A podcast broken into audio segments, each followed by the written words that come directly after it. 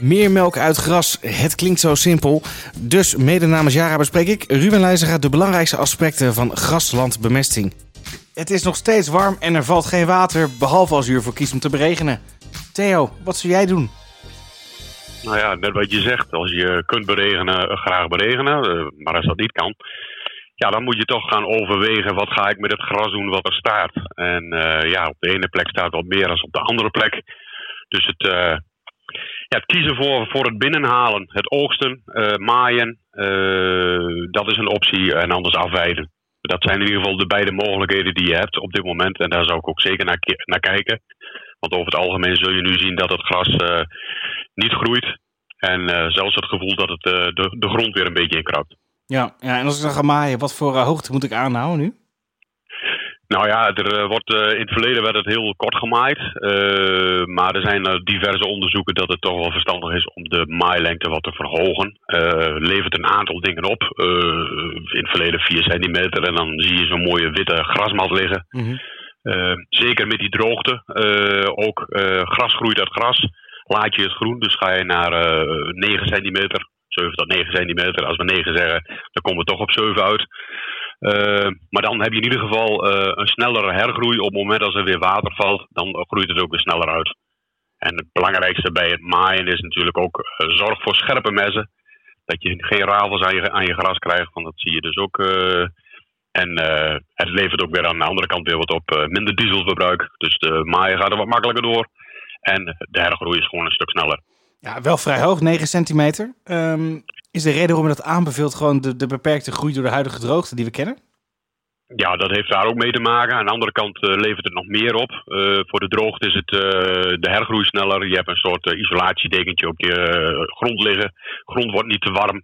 Het vocht wat eronder zit verdampt minder snel. Hoe kaler als het is, hoe sneller als het vervliegt of vervluchtigt. Um, waar het nog meer een voordeel voor is, je ruwasgehalte gaat lager in je, in je kuil. Dus ook je voederwaarde gaat omhoog. En uh, ja, momenteel is de voederwaarde is best goed. Alleen de droge stof zit verschrikkelijk hoog. Dus let op, ga je gras maaien. Niet gaan schudden. Of in ieder geval weinig of helemaal niet. Ik uh, weet altijd nog wel van uh, mensen in deze periodes van droogte. Dan zeg ik van ja, maar dan moet ik pa ongeveer aan de ketting leggen. Want die is zo gewend om iedere keer als we gemaaid hebben te schudden. maar ja, dat is toch, op dit moment moet je toch beslissen om niet uh, te gaan schudden. Want dan wordt het veel te droog en dan krijg je het niet goed ingekuild. En als ik nou toch uh, besluit om te gaan bemesten in deze tijd, hè, um, waar moet ik dan rekening mee houden? Want ik kan me voorstellen dat door de droogte de mineralisatie volledig stil ligt in de bodem. Um, ja. Maar dat de voedingsstoffen niet zijn verdwenen in de bodem. Nee, die zijn niet verdwenen. We hebben een, een raar jaar. We zijn nat en, uh, en warm begonnen. Toen is het koud geworden. Nat en warm is ideaal. Dus je zag in februari een mooie ontwikkeling van het gras. Daarna zag je dat het stil kwam te staan door de kou. Ja, en nu uh, gaat het weer stilstaan door de droogte. En ja, die mineralisatie die, uh, die, die, die stopt ook. Een heel mooi hulpmiddel erbij is uh, de, de Yara Grass N-app. Daar kun je mooi een extra hulpmiddeltje van wat, wat is er nu wel gebeurd en wat is er niet gebeurd. En zeker voor een tweede snede, let op, niet te zwaar bemesten. Want er zit nog zeld in de bodem. De drijfmest die erop gekomen is, die is nog lang niet opgebruikt.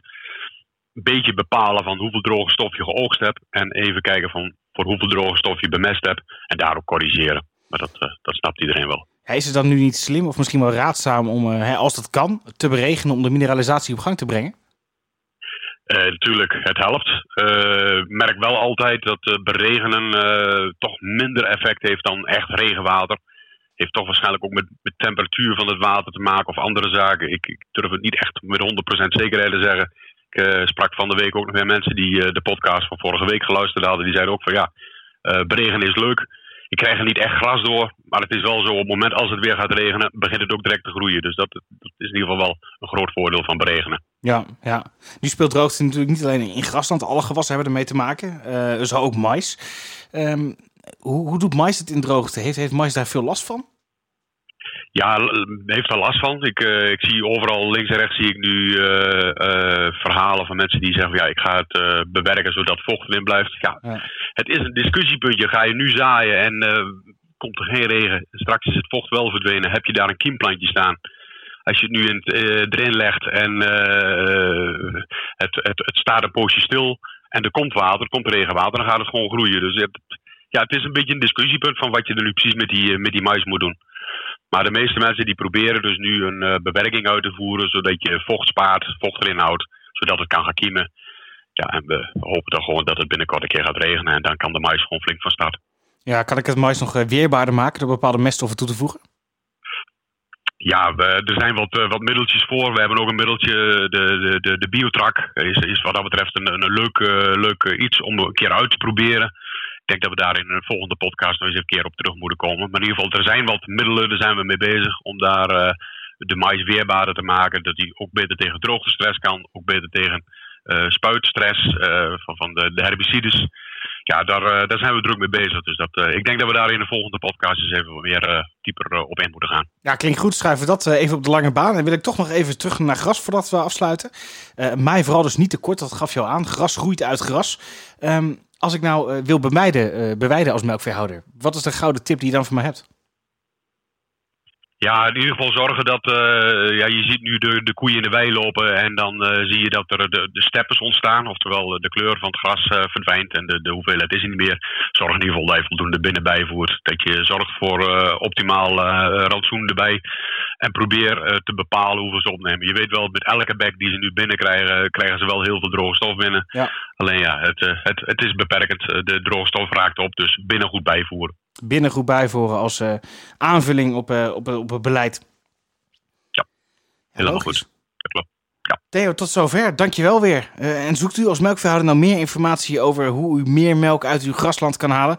Kijk dan ook even op de website www.jara.nl.